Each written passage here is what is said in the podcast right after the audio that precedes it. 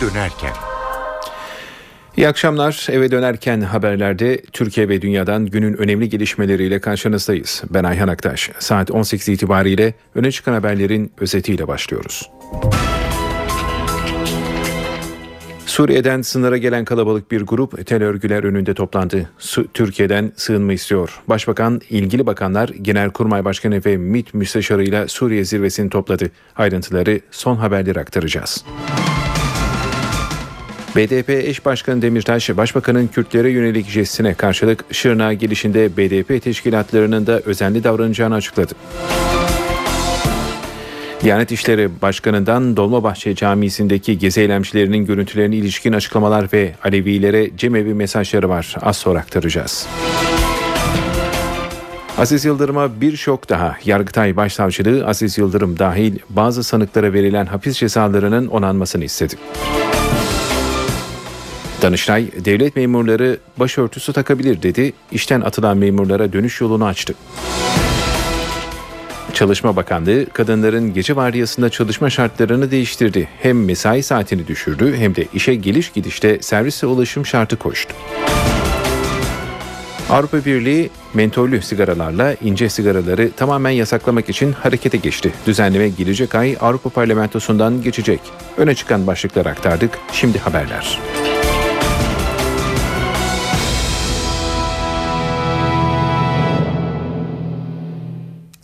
Suriye sınırındaki çatışmalar yeniden şiddetlendi. Türkiye sınırına 100 metre uzaklıktaki karakola havan topu saldırısı oldu. 5 havan topu mermisi sınıra çok yakın noktaya düştü.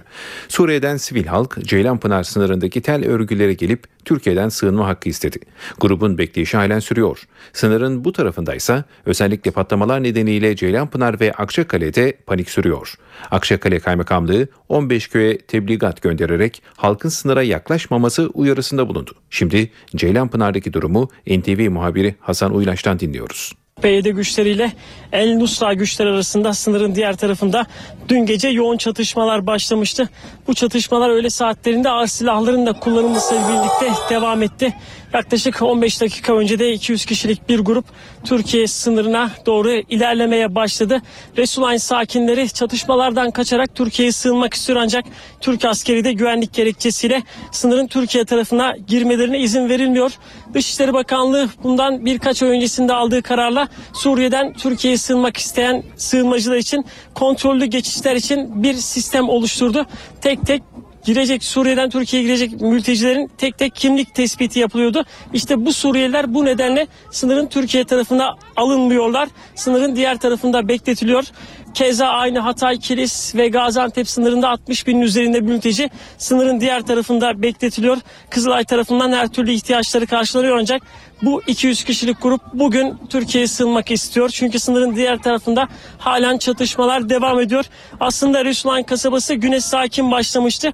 Öğle saatlerinde En Nusra cephesine ait birlikler PYD'nin kontrolündeki bir denetim noktasını roket atarlı saldırıda bulundu. Bu saldırının ardından bomba sesleri sınırın diğer tarafından yükselmeye başladı. İnsanların hem Ceylanpınar'da hem de sınırın diğer tarafında tedirgin olduğunu söyleyebiliriz. Hatta e, Türkiye-Suriye sınırı oldukça hareketli, oldukça sıcak. Suriye sınırında tırmanan çatışmalar Ankara'da Başbakanlık konusundaki zirvede değerlendiriliyor. Başbakan Tayyip Erdoğan başkanlığında saat 14'te başlayan toplantıyla ilgili bakanlar, Genelkurmay Başkanı ve MİT Müsteşarı katılıyor. Türkiye-Suriye sınırındaki istikrarsızlık, PYD ile El Nusra arasındaki çatışmalar, sınırda özel Kürt yönetimi kurulması durumunda Türkiye'nin atacağı olası adımlar konuşuluyor. Yaklaşık 4 saattir süren toplantının şu sıralarda bitmesi bekleniyor. Başbakan Tayyip Erdoğan bu toplantıdan sonra akşam iftar yemeğini Çevik Kuvvet polisleriyle birlikte yiyecek. Başbakanın bu yemekte bir konuşma yapması bekleniyor. Dışişleri Bakanı Ahmet Davutoğlu açıklama yaptı. Suriye'nin kuzeyinde ve Türkiye sınırına yakın bölgedeki çatışmaları PKK'nın kolu PYD'nin hakimiyetini değerlendirdi. Türkiye'nin herhangi bir gruba karşı tavrı olmadığını belirten Dışişleri Bakanı, emri vakilere karşı olmalarını çok taraflı çatışmaların yaratacağı büyük riske bağladı. Dinliyoruz. Suriye o kadar yoğun ve e, bir krizden geçiyor ki Şu anda rejimle muhalif unsurlar arasında zaten süre giden gerilim bir an önce bitmesini ve barışın tesis edilmesini istediğimiz bu e, çatışma ortamı dışında yeni çatışma sebepleri çıkarmak veya yeni çatışmalara vesile olacak girişimlerden uzak durmak gerekiyor. Burada e, herhangi bir şekilde bir gruba yönelik bir tutumu Türkiye'nin söz konusu değil. Fakat emrivaki şeklinde doğabilecek bazı e, atılabilecek bazı adımlar Suriye'de çok daha fazla gerilimin çıkmasına, çok fazla kan dökülmesine e, ve bir anda iki taraflı bir çatışmanın çok taraflı bir çatışmaya dönüşmesine sebebiyet verir. Sayın Barzani yani Kuzey Irak bölgesiyle de bu dönem içinde temas da kurduk, temaslarımız da sürüyor. Bundan sonra önümüzdeki dönemde de sürecek. Türkiye'nin sınır güvenliğini ilgilendiren boyutları itibariyle tabii Türkiye belli tedbirleri kendi sınır güvenliği için, kendi vatandaşının güvenliği için almak durumundadır. Yani Ceylanpınar'da bir vatandaşımızın hayatını kaybetmesi, vatandaşlarımızın bu konuda sınır güvenliği konusundaki hassasiyetini yükseltmiştir. Bu konuda tedbir almak herhangi bir gruba dönük bir e, tavır değildir.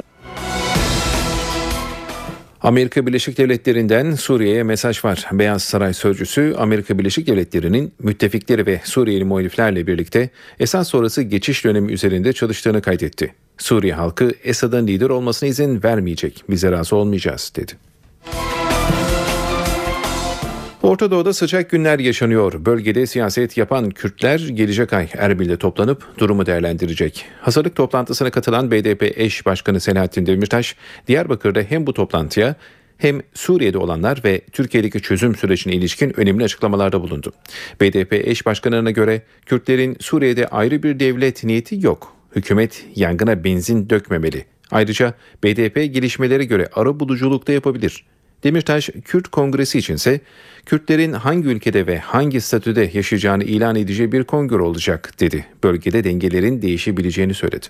Kürtlerin hangi ülkede, hangi statüyle nasıl e, yaşamak istediği bu kongre aracılığıyla ilan edilmiş olacak.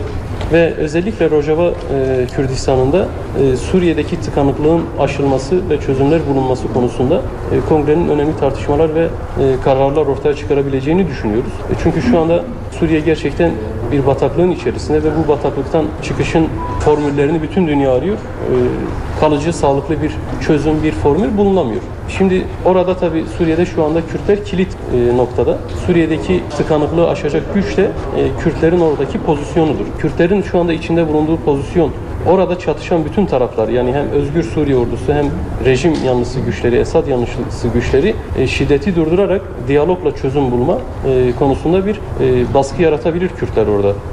Demirtaş çözüm sürecine ilişkin de konuştu. Hükümetin gereken çalışmaları 1 Eylül'e kadar tamamlaması gerektiğini vurguladı. Hükümet cephesinden henüz maalesef ki somut bir adım e, gelişmiş, gerçekleşmiş değil. Hükümet halen yapacağız, edeceğiz söylemi içerisinde. Yani halen gelecek zaman kipiyle konuşuyor. Hükümetin artık ne yapacağını kamuoyuna açıklaması gerekiyor. Onun da şu andaki tarihi 1 Eylül. Yani 1 Eylül'de en geç o tarihe kadar hükümet e, çalışmalarını tamamlamalıdır. Bu sadece Kürtler açısından da değil. Yani Türkiye'nin %95'i şu anda hükümetin demokratikleşme adımlarını bekliyor. BDP eş başkanı Demirtaş, Şırnak Havalimanı açılışına gelecek başbakana jest mesajı da verdi. Şırnak Havalimanı'na Kürt siyasetçi Şerafettin Elçi'nin adının verilmesini Kürtlere jest olarak niteleyen Demirtaş, buna karşı BDP olarak başbakana Şırnak'ta gerekli özenin gösterileceğini açıkladı. Yani havaalanına e, rahmetli milletvekilimizin ve Kürt halkının e, saygıdeğer bir siyasetçisinin adının verilmesi önemlidir tabii. Önemli bir jesttir. Değerli bulduğumuzu belirtmek isterim öncelikle. Bu vesileyle e, Diyarbakır milletvekilimiz rahmetli Şerafettin abimizi de rahmetle anmış olalım bu mübarek Ramazan ayında. Şimdi hükümetin böylesi bir jestine karşı tabii ki e, biz de genel merkez olarak arkadaşlarımıza gerekli talimatları verdik. Ama öyle büyük kitlesel karşılama vesaire BDP'nin yapacağı bir iş değil. Sonuçta Sayın Başbakan havaalanı açmaya geliyor. E, yani BDP'nin e, büyük bir kitlesel karşılama hazırlığı falan yoktur. Ama biz arkadaşlarımıza gerekli e, dikkatin, özenin gösterilmesi ve oradaki temsilcilerimizin Sayın Şerefettin Elçi'nin ailesini yalnız bırakmayarak hep birlikte açılışa katılmaları talimatını biz verdik. Demirtaş, Abdullah Öcalan'ın İmralı'da basın toplantısı düzenlemek istediği haberleri içinde Öcalan'ın süreci iyi bilen bir grup gazeteciyle buluşmak istediğini, bu konuyu Adalet Bakanı ile görüşeceklerini açıkladı. Ankara'da çözüm sürecine ilişkin çalışmalar Başbakan Yardımcısı Beşir Atalay Başkanlığında dünkü toplantıda değerlendirildi. O toplantıdan reform paketi çıktı. Çözüm sürecinin ikinci aşamasında hayata geçirilecek daraltılmış bölge seçim sistemini geçilmesi, yerleşim birimlerine Kürtçe isim verilebilmesi, barajın altında kalan partilere de hazine yardımı yapılması gündemde. Hükümet demokrasi paketi için düğmeye basıyor. Başbakan yardımcısı Beşir Atalay başkanlığında yapılan çözüm süreci zirvesinde AK Parti kongresinde açıklanan 63 maddelik demokrasi hedefleri için adım atılması kararlaştırıldı. İlk aşamada seçim kanunu değiştirilerek baraj altındaki partilere hazine yardımı ve beşer milletvekillik daraltılmış bölgeli seçim sistemine geçilmesi öngörülüyor. Hükümet yerleşim bölgelerine Türkçe dışında isim verilemez hükmünü de kaldırarak bazı köy ve ilçelere Kürtçe ismin önünü açmayı planlıyor. Vatandaşın kamu kurumlarında ana dilde hizmet alması da bu süreçte gündeme gelecek. Demokrasi paketinde kamu kurumlarında kıyafet serbestlisi de yer alıyor. Çözüm sürecinin önemli kilometre taşı olarak değerlendirilen demokratikleşme paketi Başbakan Recep Tayyip Erdoğan'ın onay vermesinin ardından meclise sevk edilecek. İktidar Partisi'nin üzerinde çalışı demokratikleşme paketine ana muhalefetten tepki var. CHP sözcüsü Ali Koç, Başbakanın Gezi Parkı eylemleri sırasında tüketmeyin çağrısı yapanlara yönelik kullandığı kemirgen ifadesine de tepki gösterdi. Daha önce bazı paketler ileri sürüldü. Bu paketlerin içinde ne olduğu anlaşılmadan paketler tedavülden kalktı. Recep Tayyip Erdoğan ile demokratikleşme olmaz. Recep Tayyip Erdoğan'ın kumaşından demokrat çıkmaz. Bunu Kürt yurttaşlarım da öğrenecekler. Recep Tayyip Erdoğan bilin ki demokrasi adına bir paket getiriyor ise o paketin içine koyduğu her noktadan şahsi bir çıkar sağlayacak demektir.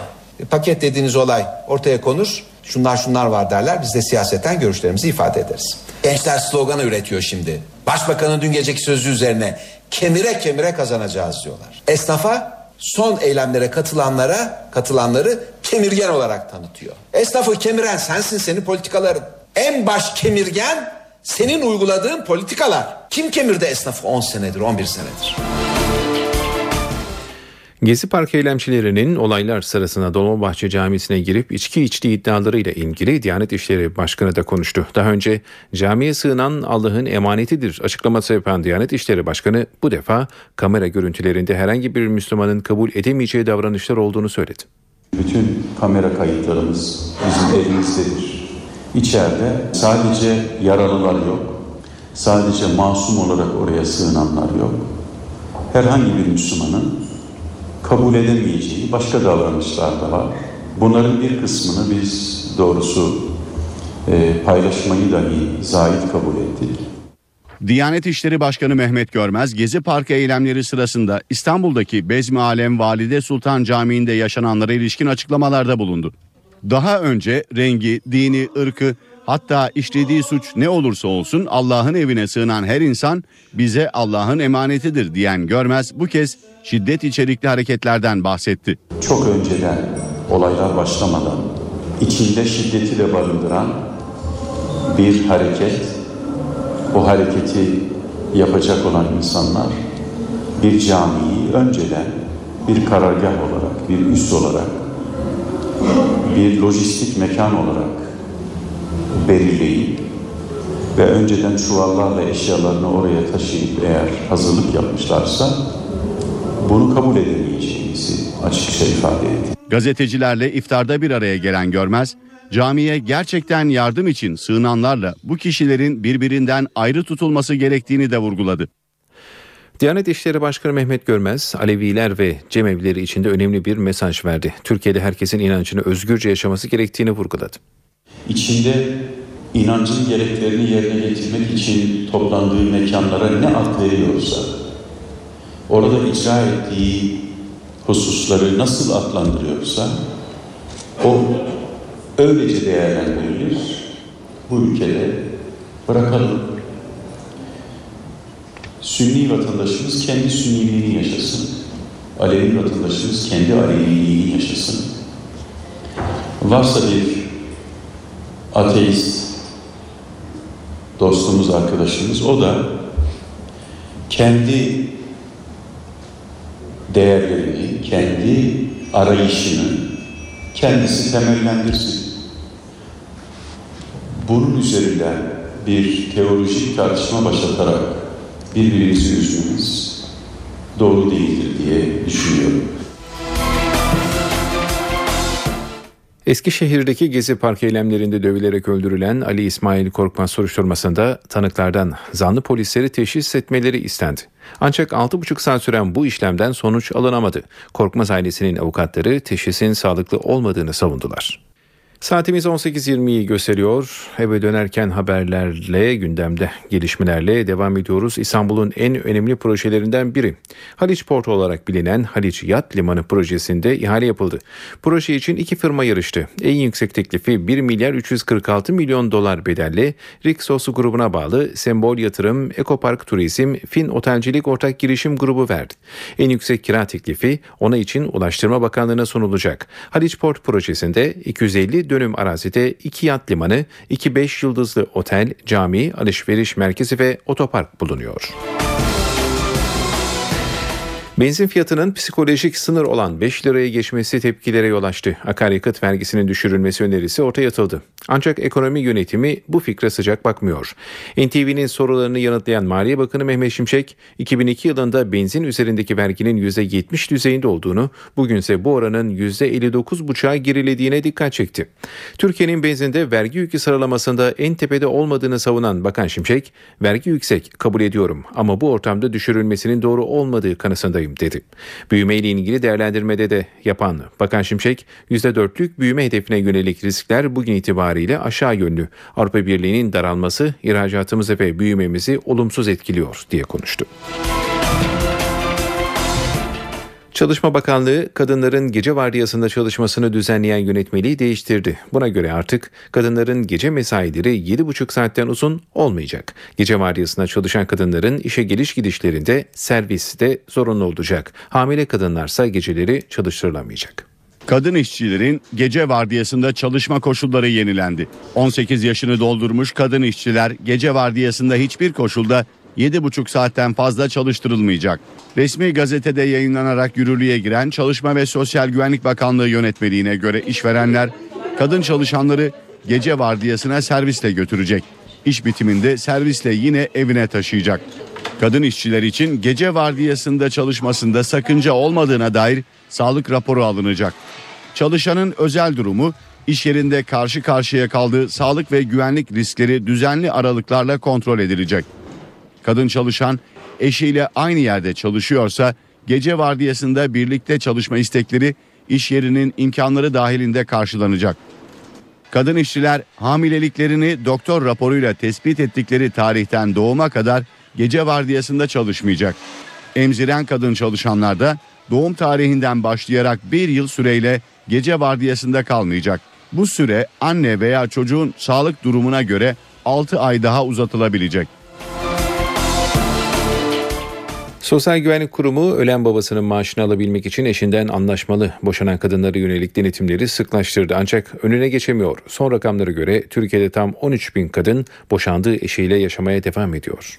Hileli boşanmaların önüne geçilemiyor. 13 bin kadın boşandığı eşiyle yaşamaya devam ediyor. Dul kadınlar ölen babalarının maaşını alabiliyor. Bu kuralın istismar edilmesi üzerine Sosyal Güvenlik Kurumu harekete geçmiş ve 2008 yılında yapılan bir düzenleme ile boşandığı eşiyle fiilen birlikte yaşadığı belirlenen dul eş ve yetim kız çocuklarının bağlanmış olan gelir ve aylıkları kesilir hükmünü getirmişti. Ancak yasal düzenleme ve tüm önlemlere rağmen hileli boşanmaların önüne geçilemedi. Sosyal Güvenlik Kurumu müfettişlerinin yaptığı denetimlerde 13.116 kadının boşandığı eşiyle birlikte yaşadığı tespit edildi. SGK bu denetimleri ihbar üzerine yapıyor. En çok ihbarsa boşanan kadınların annelerinden geliyor. Çünkü aylık bağlatan kadın annesinin maaşını düşürüyor. Para ve sermaye piyasalarında bugünkü tabloya bakalım. CNBC'den Enis Şener'de mi dinliyoruz? İyi akşamlar. Borsa İstanbul'da satış baskısı devam ediyor.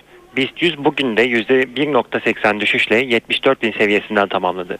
Analistler Türkiye'nin küresel likiditesinin azalmasına karşı kırılgan olmasından dolayı hisse piyasasının olumsuz etkilendiğini belirtiyor. TL tarafında da bir miktar değer kaybı var. Dün 1.91'in altında kalan dolar TL 1.91.70'e kadar yükseldi. Tahvil tarafında gösterge tahvil faizinin %8.90'ı aştığını takip ettik. Yurt dışında ise daha olumlu bir tablo var. Avrupa'da açıklanan verilerin beklenti üzerinde gelmesiyle borsalar yükseldi. Wall Street'i ise güçlü bilançolar destekliyor. Euro dolar paritesi 1.32'yi aşmış durumda. NTV Radyo Danıştay devlet memurları başörtüsü takabilir dedi. 28 Şubat döneminde başörtüsü taktığı gerekçesiyle meslekten atılan öğretmen Melek Yılmaz'a özlük haklarının iadesine karar verdi. Böylece başörtülü olduğu için işten atılan memurlara göreve dönüş yolu açıldı. Danıştay tarihi bir karara imza attı. Başörtüsü taktığı için meslekten atılan öğretmen Melek Yılmaz'a özlük haklarını iade etti. Danıştay başörtülülere memurluk yolunu açacağı şeklinde yorumlanan kararı 2011'de verdi. Yerel mahkemenin de karara uymasıyla hukuk süreci tamamlandı, karar kesinleşti. Danıştay kararında başörtüsünün memurluktan çıkarılma nedeni olamayacağına hükmetti. Yerel mahkemede işlemin iptaline ve işlem nedeniyle yoksun kalınan mali ve özlük haklarının 10 yıllık yasal faiziyle öğretmen Melek Yılmaz'a ödenmesine hükmetti. Böylece Türkiye'de ilk kez Danıştay kararıyla memuriyette başörtüsüne yargıdan vize çıkmış oldu. Öğretmen Melek Yılmaz dava sürecinde iç hukuk yollarının tükenmesi üzerine Avrupa İnsan Hakları Mahkemesi'ne de başvurdu. Avrupa İnsan Hakları Mahkemesi 2005 yılında yapılan başvuruya yönelik incelemesini adil yargılama yapılmadığı gerekçesiyle Türkiye'yi mahkum etmişti. Hakkari Yüksekova'da 18 yıl önce gözaltındayken kaybolan çobanın komutan emriyle infaz edildiği ortaya çıktı. 18 yıl sonra mahkemede ifade veren askerler çobana ateş açıldığını itiraf ettiler. Kayıp çoban Nezir Tetikçi komutan emriyle infaz edildi. 18 yıl önceki olay sırasında Yüksekova'da vatani görevini yapan askerlerin ifadesi böyle. Askerlerden Yunus Şahin 3 yıl önce savcılığa başvurdu. 18 yıl önce gözaltındayken kaybolan çobanın askerler tarafından öldürüldüğünü söyledi. Bu ifade soruşturmanın seyrini değiştirdi. O tarihte yüzbaşı ve teğmen olarak görev yapan emekli albay Ali Osman Akın'la yarbay Kemal Alkan hakkında Hakkari Ağır Ceza Mahkemesi'nce canavarca hisle adam öldürmek suçundan dava açıldı.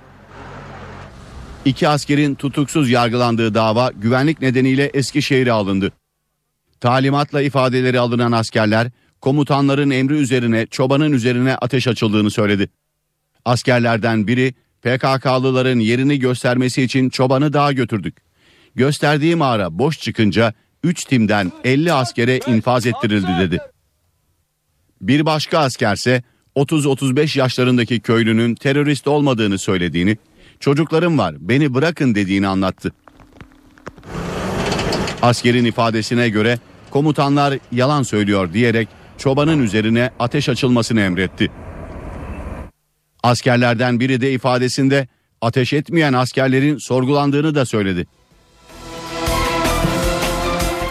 İnönü Stadı'nın altından tarihi eser kalıntıları çıktı. Yıkımı devam eden tribünlerin altında tonozlu yani kemere benzeyen parçalar bulundu. İstanbul Arkeoloji Müzesi uzmanları bulunan parçaları incelemeleri için görevlendirildi. Koruma Kurulu stadın altından tarihi eser çıkması durumunda inşaatın durdurulması gerektiğini bildirmişti. Kültür Varlıkları ve Müzeler Genel Müdürlüğü'nün 2012'de hazırladığı raporda İnönü Stadı yapılmadan önce aynı alanda saray atlarının bakıldığı yapı, saray tiyatrosu ve iki gazhane bulunduğu fotoğraflarla belgelenmişti. Bulunan parçaların tarihi olup olmadığına uzmanların raporuna göre koruma kurulu karar verecek.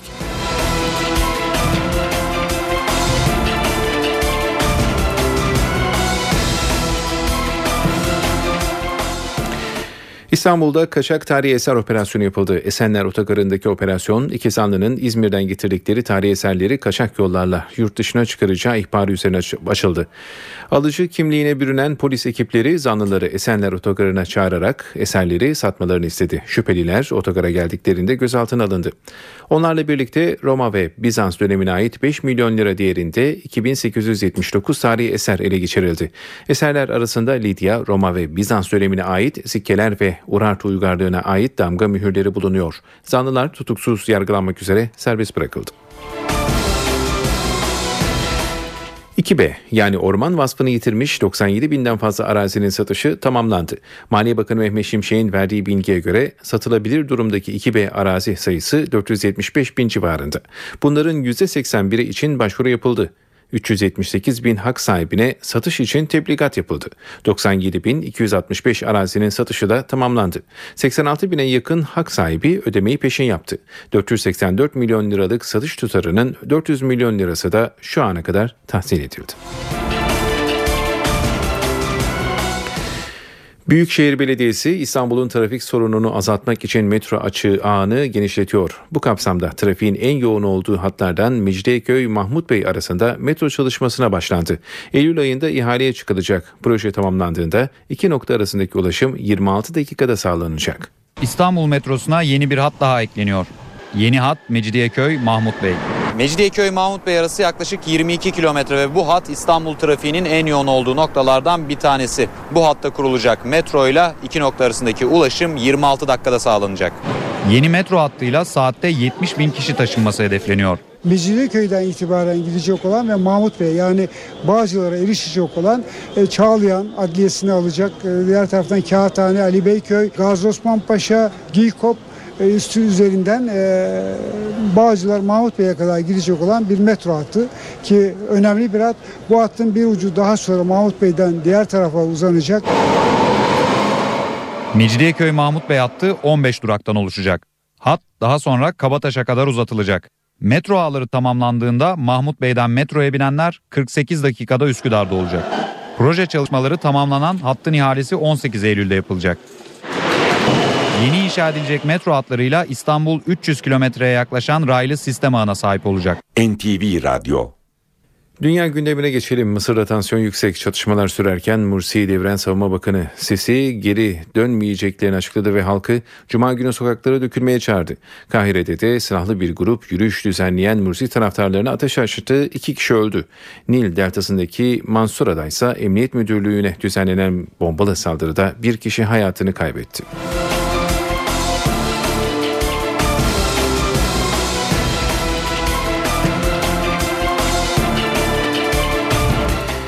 Yunanistan'da çalışan ve emekliler arasında yapılan bir araştırma halkın beşte birinin yoksulluk sınırının altında yaşadığını ortaya koydu. Ülkede işsizlikte %27 ile rekor seviyeye yükseldi ve önümüzdeki aylarda 25 bin memurun işten atılmasıyla rakam büyüyecek.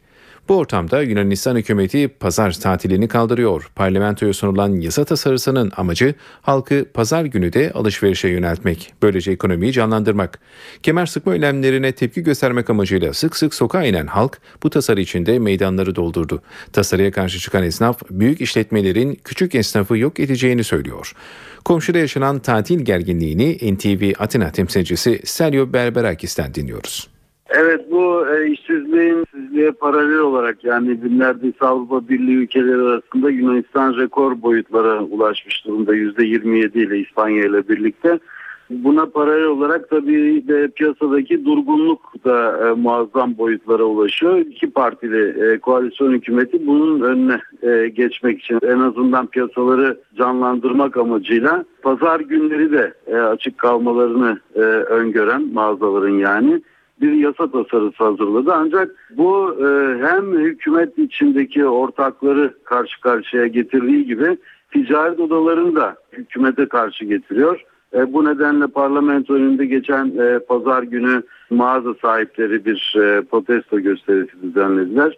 Çünkü bunlar açılmasını istemiyorlar. Yani e, eğer açılırsa AVM'ler de açılacağından yine sıfıra sıfır elde sıfır olacak şeklinde bazı itirazları vardı. Dolayısıyla bu yasa tasarısında e, bir dizi değişiklikler yapmaya karar verdi hükümet. Buna göre de bu mağazaların e, yılda 52 e, pazar yani bütün pazar günleri açık kalması yerine e, 7 pazar e, günü açık kalmalarını öngören bir değişiklik yapmaya hazırlanıyor. Daha doğrusu bu da parlamentonun gündemine gelmiş değil.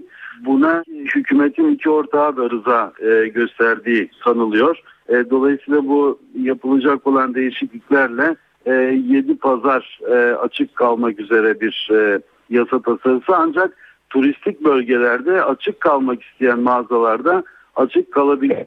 Yani böyle bir e, karmaşık bir durum var. Bakalım nasıl bir yasa tasarısı önümüze gelecek. Bunu e, önümüzdeki hafta içinde açıklığa kavuşmuş olacak. Yani kısaca hükümetin amacı bu piyasadaki durgunluğu biraz canlandırmak ve AVM'leri de dışarıda bırakarak e, en azından küçük mağazaları e, yeniden devreye sokarak işte e, gerek e, yurt dışından gelen turistlere hizmet verebilecek mağazalara pazar günleri açık kalmaları için izin verme çabaları var. Fakat dediğim gibi mağaza çalışanları yani mağaza sahiplerinden çok mağaza çalışanları bu yasa tasarısına karşı geldiği için parlamento önündeki protesto gösterilerinde önümüzdeki günlerde sürdürecekler.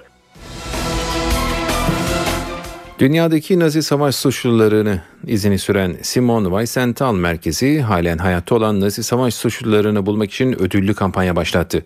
Operasyon Son Şans 2 adlı kampanya kapsamında Berlin, Köln ve Hamburg kentlerinde yaklaşık 2000 afiş asıldı.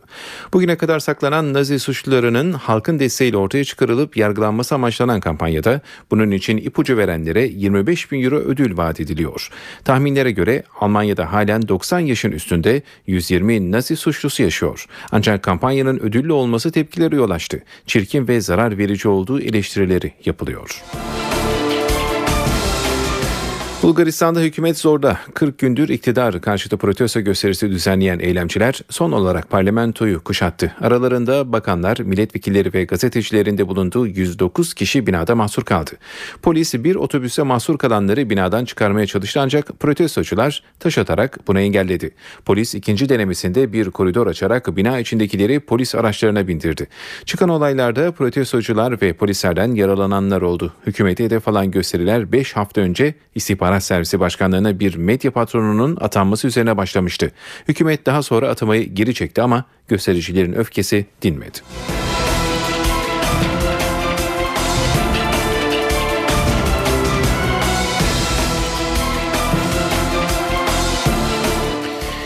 Bir son dakika haberini aktaralım. Amerikan Başkanı Obama Mısır'a F-16 savaş uçaklarının satışını erteledi. Tekrar edelim. Amerikan Başkanı Mısır'a F-16 savaş uçaklarının satışını erteledi. Mentollü sigara içenler normal sigara içenlere oranla daha fazla risk altında. Zira Amerika'da yapılan bir araştırma tiryakilerin mentollü sigarayı bırakmada daha çok zorlandıklarını ortaya koydu. Mentollü sigaralar normallerine göre çok daha zararlı. Açıklama Amerika Birleşik Devletleri Gıda ve İlaç Dairesi'nden geldi. Kamu sağlığı açısından daha riskli bulunan mentollü sigaraların ferahlatıcı ve ağrı kesici özelliklerinin tiryakilere cazip geldiğine dikkat çekildi. Araştırmaya göre bu nedenle mentollü sigara içenler daha çabuk tiryaki oluyor ve sigarayı bırakmakta daha fazla zorlanıyor. Mentollü sigara satışına henüz yasak getirmeyen Amerikan Gıda ve İlaç Dairesi olası kısıtlamalar için sağlık görevlileri, tütün endüstrisi ve halkı tartışmaya çağırdı.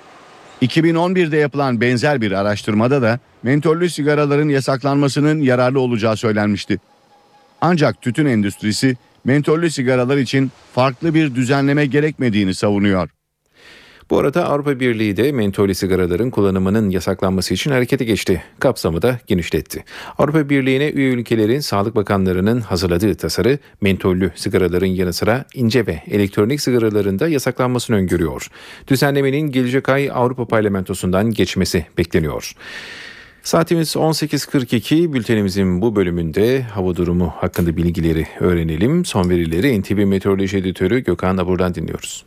İyi akşamlar. Genelinde sıcaklıklar yükselmeye devam ediyor. Yarın daha da yükselecek. Cumartesi günü kuzey kesimlerde 2-3 derece azalacak ama pazar günü Marmara'dan başlayarak yeniden yükselmesini bekliyoruz. Yarın Rize, Artvin ve Kars, Ardahan arasında hafif yağış geçişleri görülecek. Cuma günü gün içinde yurt genelinde yağış beklemiyoruz. Akşam saatlerinde Karadeniz boyunca bulutlanma artacak. Cumartesi günü ise Karadeniz'in kıyı kesimlerin yeni bir yağış tavanı etkisine girmesini bekliyoruz. Karadeniz'deki yağışlar pazar günü aralıklarla devam edecek. İstanbul'da yarın hava açık ve sıcaklık 32 dereceye kadar çıkacak. Ancak düşük nem bunalmayı önleyecek. Rüzgarlar çok kuvvetli değil. Yalnızca Avrupa yakasında zayıf ama Anadolu yakasında zaman zaman öğle saatlerinde sert esecek. Ankara haftayı güneşli geçirmeye devam ediyor. Sıcaklık gündüz 31, gece ise 16 derece olacak. İzmir'de sıcaklık gölgede 34 dereceye çıkıyor ama sahillerde rüzgar biraz da olsa serinlik verecek özellikle Çeşme ve civarında. Akdeniz boyunca sıcak ve kuru hava etkisini sürdürürken orman yangını riski devam ediyor. Özellikle bölge sakinlere dikkatli olmalı. Hepinize iyi akşamlar diliyorum. Hoşçakalın. Yargıtay Cumhuriyet Başsavcılığı şike davasında Aziz Yıldırım dahil tüm sanıklara verilen hapis cezalarının onanmasını istedi. Şike davası iki yıldır Türkiye'nin gündemindeydi. Yerel mahkemenin verdiği kararın ardından hem sanıklar hem de savcı itirazda bulunmuş, dosya Yargıtay'a gitmişti. Yargıtay 5. Ceza Dairesi'nin vereceği karar beklenirken Yargıtay Başsavcısı görüşünü açıkladı. 5. Ceza Dairesi'nin gönderdiği tebliğ, tebligatnameye Aziz Yıldırım dahil sanıklara verilen cezaların onanmasını istedi. Şimdi Aziz Yıldırım'ın 6 yıl 3 ay hapis cezasına çarptırıldığı davaya ilişkin dairenin kararı bekleniyor. Tebliğnamede öne çıkan ifadeyi aktaralım. Sanık Aziz Yıldırım tarafından kurulan örgütün amacı 2010-2011 futbol sezonunda her ne pahasına olursa olsun verilen sözler doğrultusunda Fenerbahçe'nin lig şampiyonu olmasını sağlayarak mevcut yönetimin devamını temin etmek suretiyle başta yönetimde yer alan kişiler olmak üzere tüm örgüt üyelerine haksız çıkar sağlamaktır deniyor. Soruşturma sonunda Aziz Yıldırım'ın haksız çıkar sağlamak amacıyla kurduğu örgütle Olgun Pekin'in yönetimindeki suç örgütü arasında sıkı bir organik bağ tespit edilemediği bildirilen tebliğnamede ancak Aziz Yıldırım'ın kurucusu ve yöneticisi olduğu örgütün Olgun Pekir'in yöneticisi olduğu örgütten yardım aldığına ve bazı olaylarda birlikte hareket ettiklerine dair delillerin bulunduğu iddia ediliyor. Şimdi günün öne çıkan spor haberlerini aktarıyoruz. Benfica Teknik Direktörü Jorge Jesus Fenerbahçe'nin gündemindeki Oscar Cardozo'yu kafasından tamamen sildi. Yeni sezon öncesi antrenmanlara çıkmasına izin verilmeyen Cardozo, yönetimden Fenerbahçe'ye transferine kolaylık sağlanmasını aksi halde takımla çalışmasına izin verilmesini istemişti. Ancak Paraguaylı golcünün bonservis bedelini 15 milyon euro olarak belirleyen Benfica yönetimi bu rakamda indirme yanaşmamıştı. İki kulüp arasındaki görüşmeler durma noktasına gelirken Cardozo'ya bir kötü haber de teknik direktör Jorge Jesus'tan geldi. Jesus Paraguaylı golcüyü Benfica'nın yeni sezon öncesi Algarve'de yapacağı kampın 26 kişilik kadrosuna almadı. Galatasaray'ın sancılı transfer sürecinin ardından 3 yıllığına kadrosuna kattığı Felipe Melo, Slovenya kampında kameraların karşısına geçti. Brezilyalı oyuncu teknik direktör Fatih Terim'e övgü dolu sözler sarf etti.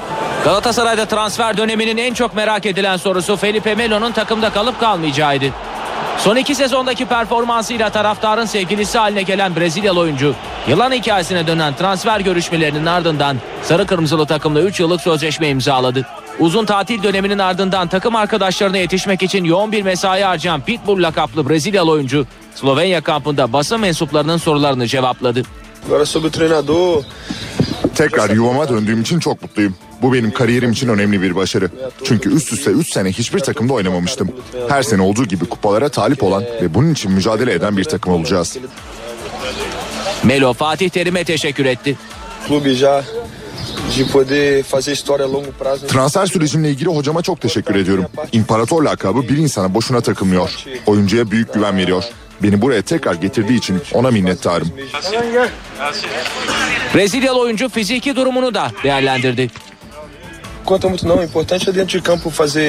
Kendimi fiziksel olarak geçen seneden çok daha iyi hissediyorum. Tatil için gittiğim Amerika'ya kondisyonerimi de götürmüştüm. Günde çift antrenman yaptım. Belki topla oynamada eksikliklerim olabilir. Fenerbahçe maçına da terslik olmazsa kendimi hazır hissedeceğim. Yeni sezonda 3 numaralı formayı giyecek olan Melo. Numaraların önemi yok. Önemli olan Galatasaray'ın başarısı. O numarayı gözüm kapalı olarak Snyder'e verdim diye konuştu. Beşiktaş yeni sezon hazırlıklarını Avusturya'da sürdürüyor. Fenerbahçe'den transfer edilen Sezer Öztürk ve Cenk Gönen'in performansı teknik heyeti memnun ederken kalbinde ritim bozukluğu tespit edilen Eneramo'nun oynamasında sorun olmadığı açıklandı. Yeni sezon hazırlıklarına Avusturya'nın Liens şehrinde devam eden Beşiktaş'ta Sezer Öztürk ve Cenk Gönen'in gösterdiği performans teknik heyeti memnun ediyor. Son bir haftada daha çok oyun planı üzerinde duran teknik direktör Slaven Bilic'in çift kale maçlarda gösterdiği performans nedeniyle yeni transferlerden Sezer Öztürk'e Azerbaycan temsilcisi Timur karşısında Oğuzhan Özyakup'un yerine ilk 11'de şans vermesi bekleniyor. Teknik heyeti gayretiyle memnun eden bir diğer isim ise Cenk Gönen oldu. Tolga Zengin transferinin ardından ikinci kaleci olması beklenen genç file bekçisinin savunma oyuncularıyla uyumu ve yaptığı kurtarışlar dikkatlerden kaçmıyor. Diğer yandan teknik direktör Slaven Bilic'in ısrarla istediği ve görüşülmeye başlandığı belirtilen Michael Enaramo için kalp atış ritminde düzensizlik belirlenmiş ve Nijeryalı oyuncu geniş kapsamlı bir kontrole tabi tutulmuştu. Golcü futbolcunun rahatsızlığının futbol oynamasına engel olup olmayacağının belirlenmesi için Türkiye Futbol Federasyonu'nun oluşturduğu sağlık heyeti raporları inceledi ve kararını verdi. Kurulun Eneramo'nun futbol oynaması konusunda olumlu rapor verdiği ancak 3 ayda bir kontrolden geçmesi koşuluyla Nijeryalı oyuncuya lisans verebileceğini açıkladı. Federasyonun kararı Eneramo'ya bildirdiği ayrıca siyah beyazlı kulübede lisans başvurusu yapmaları halinde lisans verileceğini ilettiği öğrenildi.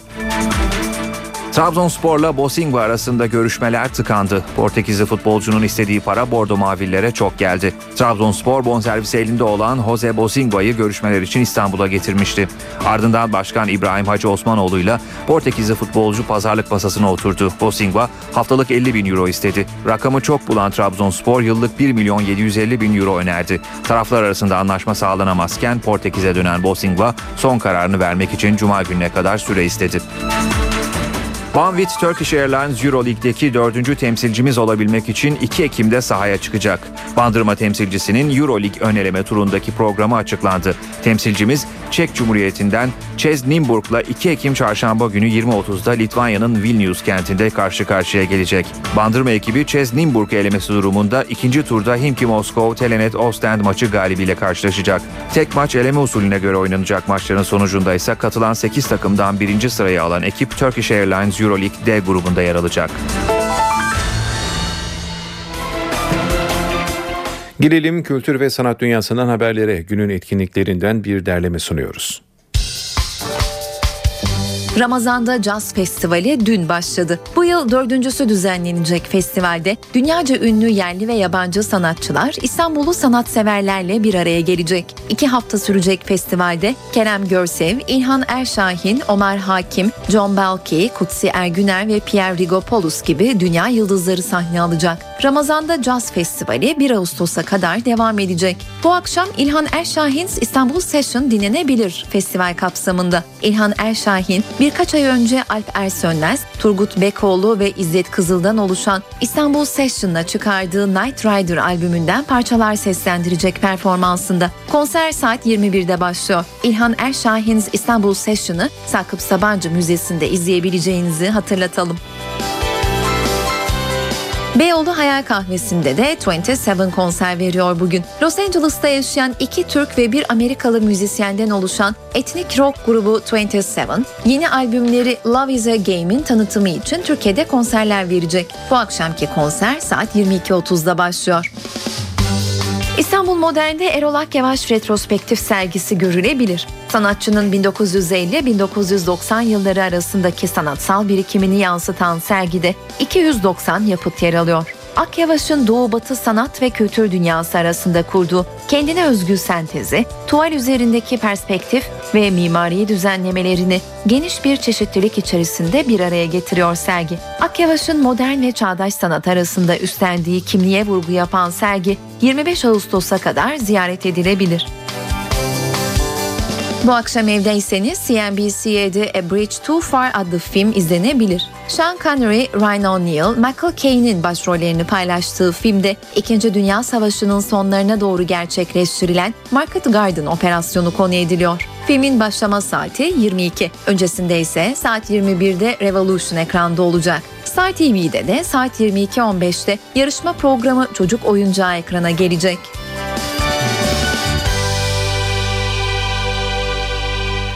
Bültenimizi tamamladık. İyi akşamlar diliyoruz.